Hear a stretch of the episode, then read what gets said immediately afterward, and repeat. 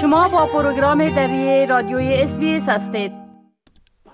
حال با جاوید روستاپور خبرنگار پروگرام دری رادیوی اس بی اس در کابل به تماس هستیم که اونا درباره تازه ترین تحولات در ارتباط به افغانستان معلومات میتن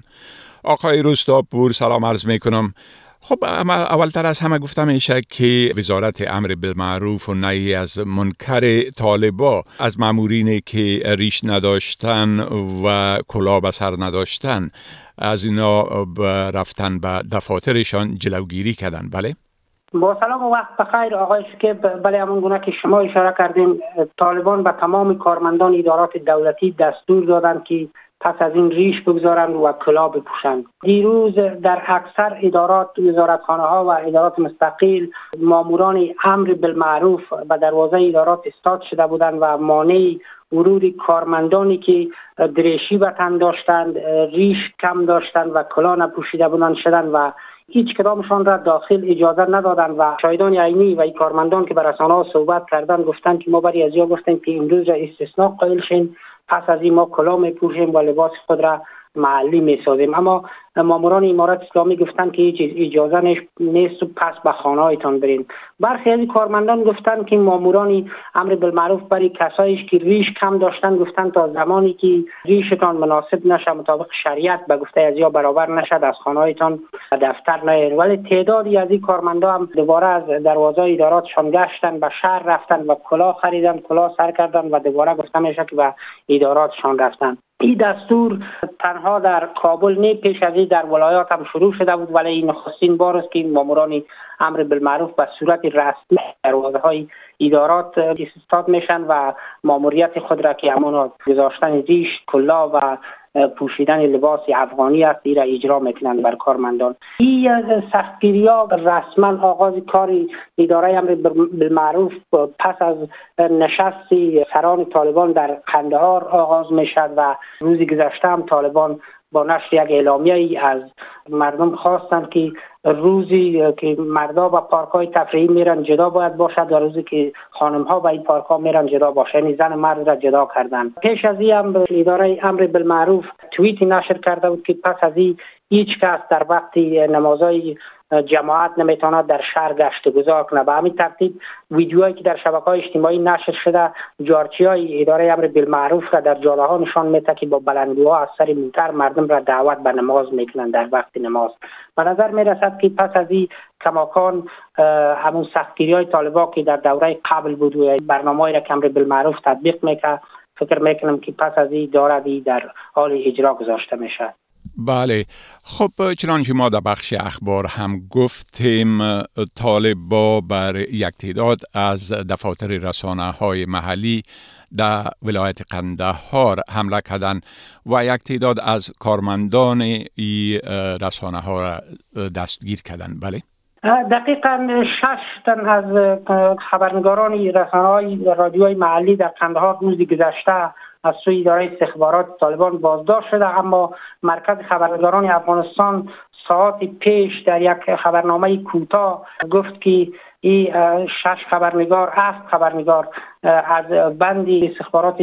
طالبان در قندهار رها شدند. اما بازداشت این خبرنگارا واکنش های بسیار تندی را در قبال داشت. دست کم چهار پنج نهاد رسانه‌ای که در افغانستان فعالیت دارند. نهاد عامی خبرنگاران و رسانه یا واکنش نشان دادن و بازم تاکید کردند که اگر رسانه ها و خبرنگاران تخطی می‌کنند این مسئله باید از طریق کمیسیون تخطی رسانه ها که عملا وزارت اطلاعات فرهنگ از فعالیتی از او خبر داده بود باید مورد بررسی قرار بگیره و خبرنگاران به اداره خواسته شوند و در مورد تخطیشان صحبت شود. در غیر از این صورت این بازداشت ها و این گرفتاری ها می‌تواند که ضربه بزند بر آزادی بیان بر سانسور بر, بر فعالیت رسانه ها این مسئله در حالی است که هنوز هم یک خبرنگار در هرات که فعال مدنی خبرنگار است به نام خالد قادری او در بازداشت طالبا است و مدت ده روز از بازداشت از او میگذرد و تا کنون به گفته نزدیکانش از سرنوشت او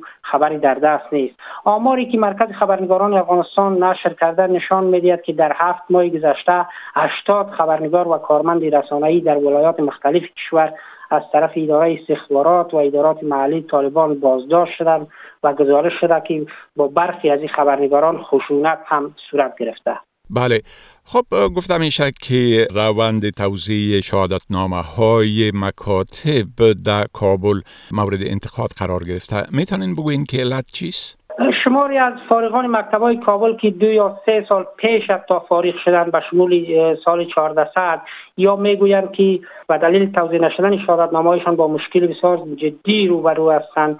این فارغان تاکید می‌کنند که برای یافتن کار و بورسی های تحصیلی به نامه نیاز دارند اما با وجودی که بارها به وزارت معارف مراجعه کردند هنوز نتوانستند که هایشان به دست بیارند.